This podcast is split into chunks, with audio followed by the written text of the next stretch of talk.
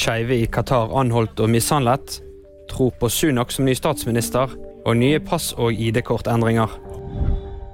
Skeive personer pågrepet i VM-opptakten. Human Rights Watch melder at skeive vilkårlig er pågrepet og trakassert så sent som forrige måned.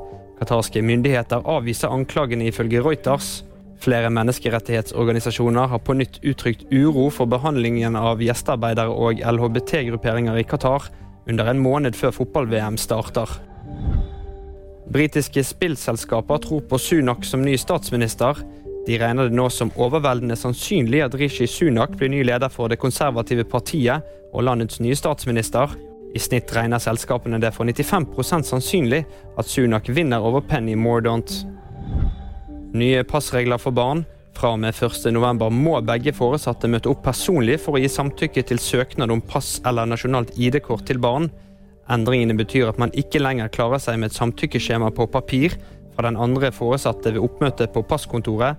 Det melder Politidirektoratet. Foresatte trenger likevel ikke å møte samtidig eller på samme pass- og ID-kontor for å søke. Og VG-nyhetene fikk du av meg, Kristoffer Gåsvær Torgersen.